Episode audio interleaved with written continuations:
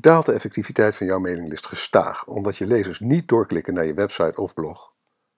Overweeg dan eens om je volgende mailing te verlevendigen met een GIF-animatie. In deze podcast bespreek ik het artikel van gastblogger Akif Hodzic, waarin hij je aan de hand van aansprekende voorbeelden stapsgewijs leert hoe je GIF-animatie op de juiste manier gebruikt in je e-mailmarketing. Maar nu wens ik je eerst een hele goede morgen, goede middag, goede avond of goede nacht, want wanneer je ook luistert. Ik vind het heel bijzonder dat je jouw kostbare tijd de komende minuten met mij wilt delen om te luisteren naar mijn podcast van deze week met de titel GIF-animatie en e-mail, een gouden combinatie. Mijn naam is Erik van Hal, oprichter van CopyRobin, een dienst waarmee je altijd over een copywriter kunt beschikken voor een bescheiden vast bedrag per maand. En natuurlijk oprichter van MediaWeb, het internetbureau uit Noordwijk dat is gespecialiseerd in responsive webdesign en e-commerce. En de podcast deze week gaat dus over de, blogpost geschreven door gastblogger Akif Hocic van TransIP uit Leiden, een hostingpartij. En, en het gaat dus over het gebruiken van GIF-animaties in mailings, in zakelijke mailings, in professionele mailings. En dat is misschien iets heel anders dan de tijden waar, waar aan de tijden van Hives, waar we misschien terugdenken wanneer we aan GIF-animaties denken. Hè, of aan Pokémon Go spelende kinderen en pubers op Tumblr. Nee, niets is minder waar. GIF-animatie zijn we helemaal terug. En inmiddels is het een volwassen marketingtool. En gecombineerd met e-mail ontdekken steeds meer marketers deze gouden combinatie die, mits goed toegepast, de gebruikerservaring, doorklikratio's en conversies van nieuwsbrieven sterk verbetert. Aan de hand van aansprekende voorbeelden laten we je stapsgewijs zien hoe ook jij GIF-animaties succesvol kan inzetten in je e-mailstrategie. Laten we beginnen met nog even terug te halen, wat is nou eigenlijk een GIF? Het, je spelt het G-I-F. En dat staat voor Graphics Interchange Format. En het is een afbeeldingsformaat dat in 1987 al werd ontwikkeld door Steve Wilhite van online service provider CompuServe. En de GIF, in het Amerikaans ook wel GIF, stelde vroege webbouwers in staat om kleurenafbeeldingen te gebruiken die zo sterk waren gecomprimeerd dat ze zelfs over een piepend en krakend telefoonmodem nog redelijk snel in beeld kwamen. Later kwamen betere formaten als JPEG en PNG uit. Maar de GIF heeft zijn bestaansrecht behouden dankzij het feit dat je animaties mee kunt maken die in de meeste browsers en e-mailprogramma's afspelen. In de blogpost heb ik een poll ingebakken en daarin stel ik de volgende vraag. GIF-animaties in e-mails vind ik 1. Mega irritant 2. Niks bijzonders 3. Best leuk en 4. Helemaal geweldig. Nou, als je in de gelegenheid bent om naar de blogpost te gaan en je stem uit te brengen uh, in die poll, zou ik dat heel gaaf vinden. Want ik ben heel benieuwd wat jij er eigenlijk van vindt. Maar goed, we gaan verder met de podcast. Excuseer. In de jaren 90 gebruikten webmasters GIF-animaties te pas en te onpas. Veel websites bevatten daardoor tal van bewegende elementen. GIF kreeg een slechte reputatie omdat het associaties opriep met te drukke en irritante websites. En sinds een paar jaar maakt de GIF-animatie echter een indrukwekkende comeback op websites als Tumblr, 9gag en Vine. De oude getrouwe GIF-animatie blijkt een eenvoudig middel om humor over te brengen. inmiddels hebben ook marketeers de kracht van de GIF-animaties ontdekt. Ze blijken namelijk zeer geschikt te zijn om sneller de aandacht bij klanten te wekken en de conversie te verhogen. Geen wonder dat je steeds meer GIF-animaties in nieuwsbrieven tegenkomt. Zo stuurde Dell bij de introductie van een nieuwe laptop een nieuwsbrief met een prachtige GIF-animatie erin. En het resultaat was een 109% hogere conversie. Uiteraard hebben we de GIF-animatie eh, opgenomen in de blogpost, maar je ziet daar een, uh, soort combinatie tussen een toetsenbord en een tablet en hoe dat in elkaar vouwt en openklapt, uh, hebben ze een prachtige 3D-animatie van gemaakt en die weer in de vorm van een GIF-animatie uh, even in de vorm van een GIF-animatie in de, in de mail verwerkt. Goed. In deze podcast nemen we zes inspirerende voorbeelden van gifanimaties en e-mailings met je door. En uiteraard, uh, ja, aangezien je nu luistert, is, zal ik proberen om een beetje te beschrijven wat je ziet. Maar het zijn natuurlijk gifanimaties, dus om ze echt te ervaren, uh, raad ik je aan om uiteindelijk toch, zodra je in de gelegenheid bent, even naar de blogpost zelf te gaan en ze te bekijken. De eerste, uh, uh, de eerste wat je kan doen is een product extra aandacht geven. En nou, uiteraard, het voorbeeld van Dell wat ik net gaf, uh, is daar al een voorbeeld van. Maar kledingwinkel Loft maakte ook een saai plaatje interessant dankzij een slimme gifanimatie. Namelijk, een, uh, je ziet eigenlijk een, een cadeauverpakking, uh, want daar gaat het om. Hè. Er staat uh, Gift Yourself Guilt Free. En dat cadeautje, ja, dat begint ineens een beetje te, te schudden en daardoor trekt hij de aandacht. En ja, dat is net wat je noemt zo'n kleine delighter. Excuseer, sorry, ik heb een beetje een hoesje vandaag. Het tweede voorbeeld van, uh, van uh, die, zeg maar, voor het geven van extra aandacht aan een product is ehm, Netflix. Die introduceerde het nieuwe seizoen van House of Cards op een verrassende wijze in een nieuwsbrief. daar zie je een, een zwart-wit foto van, ehm, van de hoofdrolspeler Kevin Spacey. met tekst, tekstanimaties die erin komen. He's got power.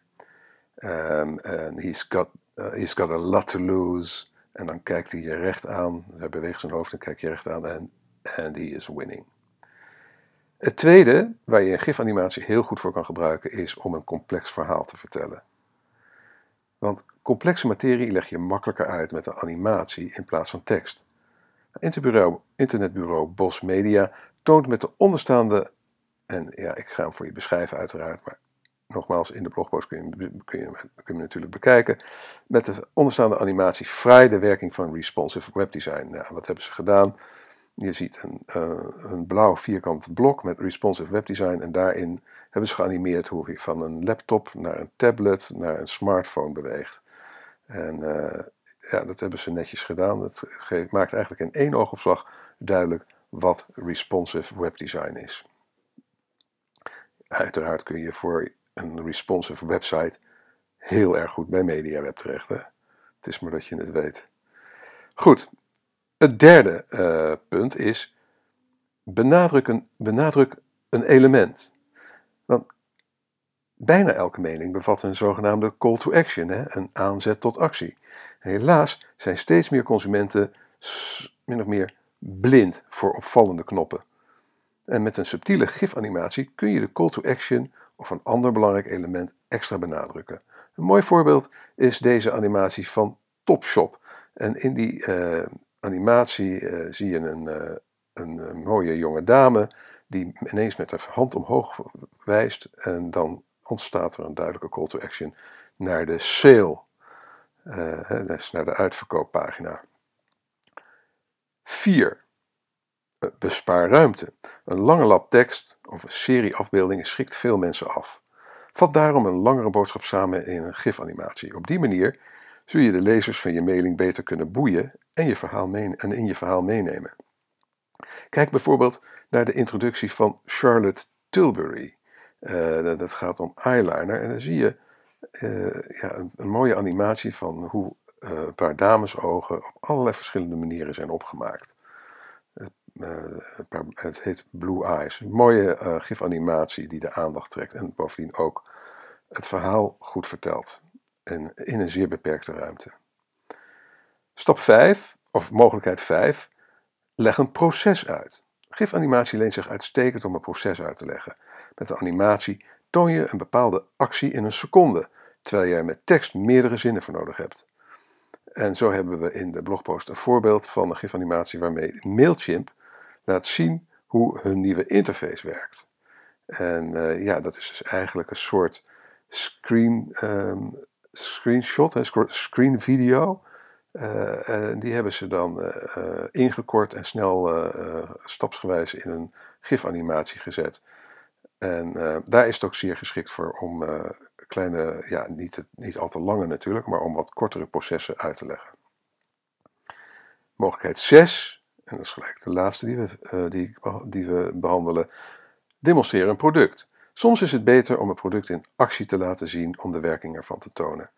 En in de blogpost hebben we een gifanimatie embed waarin je duidelijk ziet hoe twee camera-accessoires van Foto Jojo werken.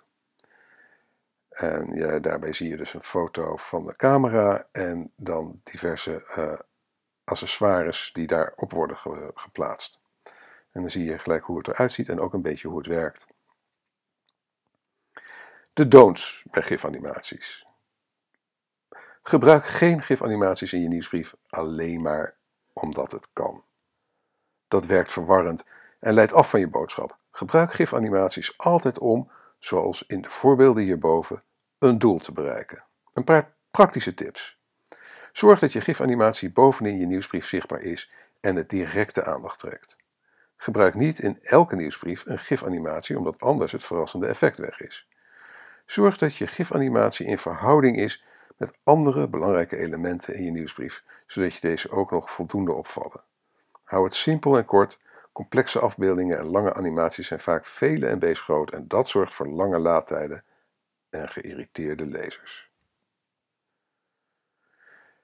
Nou, behandelen we even de vraag GIF versus video, want bewegend beeld kun je natuurlijk ook door middel van video krijgen. En sinds de komst van HTML5 is het ook mogelijk om je video's in nieuwsbrieven te plaatsen. En video is natuurlijk een uitstekend middel om uitgebreide verhalen te vertellen of sfeerimpressie van je bedrijf te laten zien. Maar er kleven twee grote voordelen aan GIF-animaties ten opzichte van video's. Ten eerste de bestandsgrootte. Het grote voordeel van een GIF tegenover video is de bestandsgrootte, die vaak onder de 100 kilobytes blijft. Dit zorgt ervoor dat je animatie snel laat en lezers hem meteen in de nieuwsbrief zien, zelfs als ze gebruik maken van mobiel internet. Een e-mail met een paar seconden aan video-inhoud kan al snel enkele megabytes groot zijn, wat zorgt voor ontevreden lezers die lang moeten wachten en een groter deel van hun data databundel kwijt zijn. Ook is het makkelijk om de bestandsgrootte van een gif kleiner te maken door bijvoorbeeld de afbeelding te verkleinen, enkele frames te verwijderen of minder kleuren te gebruiken. Dit doe je niet zo makkelijk bij een video. Tweede voordeel van GIF ten opzichte van video is de compatibiliteit met e-mailprogramma's. Veel e-mailprogramma's kunnen HTML5, HTML5 video afspelen, maar populaire programma's als Gmail, Outlook en de standaard Android-applicatie niet. Het is zonde om zo'n grote groep teleur te stellen met video's die niet afspelen. Met een GIF-animatie heb je dit probleem niet, je niet, aangezien bijna elk programma dit formaat ondersteunt. Behalve Outlook en oudere versies van Windows Phone. Dit is niet een groot punt, aangezien Windows Phone een klein marktaandeel heeft en Outlook vooral zakelijk wordt gebruikt. Voor laatstgenoemde programma's is er gelukkig een oplossing. Want heb je juist veel zakelijke lezers die Outlook gebruiken, zorg er dan voor dat de boodschap, boodschap van je GIF-animatie ook voor hen duidelijk is. Aangezien deze lezers alleen de eerste afbeelding van je GIF-animatie zullen zien, moet je boodschap al in die afbeelding duidelijk zijn. Plaats je belangrijkste tekst dus altijd vooraan.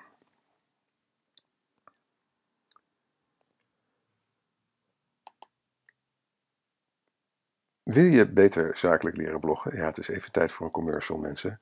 Meld je dan aan voor mijn eerstvolgende workshop No Bullshit Business Blogging op 30 september. De workshop is van 1 tot 5 en wij zorgen vanaf 12 uur 30 voor broodjes, hapjes en drankjes. Na afloop kunnen we nog gezellig nakaarten tijdens de borrel. En als luisteraar van deze podcast krijg je 50% korting op de prijs van 60 euro ex-BTW. Gebruik daarvoor deze speciale link. http bit.ly slash NOBS vriend 4. En dat spel je N-O-B-S V-R-I-E-N-D. Dus NOBS vriend. En dan het cijfer 4. Alles aan elkaar. En je loopt geen enkel risico, want je kunt tot 28 september kosteloos annuleren. En het is allemaal 2016, mocht je deze blogpost later, of deze podcast later beluisteren. Sorry. Uh, maar let op, uh, de, de, dan komen er ongetwijfeld ook weer andere versies of uh, andere data waarop ik deze workshops zal doen. Dus hou, hou, onze blog in de gaten. En bovendien krijg je van mij een unieke totale tevredenheidsgarantie. En dat betekent dat ik je niet alleen je geld teruggeef, maar ook je tijd en reiskosten vergoed als je na afloop niet tevreden bent over de workshop. En ben je het overigens met me eens dat het verdomd moeilijk kan zijn om goede teksten te schrijven voor je website of blog? En dat het aansturen van externe schrijvers behoorlijk lastig kan zijn? Want hoe brief je zo iemand op de juiste manier? Hoe bepaal je of de aangeleverde teksten goed zijn? En hoe weet je zeker dat je niet te veel betaalt? En hoe bewaak je de deadlines? Dan heb ik nu de perfecte oplossing voor je. CopyRobin. CopyRobin kan jou helpen aan hoogwaardige originele webteksten tegen betaalbare tarieven. Hoe we dat doen? We hebben een unieke werkwijze ontwikkeld, een aanpak waardoor onze schrijvers snel en effectief kunnen werken op basis van goed gestructureerde briefing en ingebouwde kwaliteitscontrole. Daardoor levert CopyRobin originele teksten van hoge kwaliteit binnen een paar dagen en tegen onwaarschijnlijk laag vast maandelijks bedrag. Ben je benieuwd of CopyRobin de oplossing is voor jouw contentprobleem? Plaats dan nu geheel vrijblijvend een proefopdracht op copyrobin.nl. Uiteraard staat in de blogpost een duidelijke link. Goed, dan zijn we nu weer terug bij het onderwerp van deze week. De gastblog van Arkief Hodzic over gifanimaties um, uh, in e-mailings. En hoe voeg je die nou toe, zo'n gifanimatie, aan je nieuwsbrief?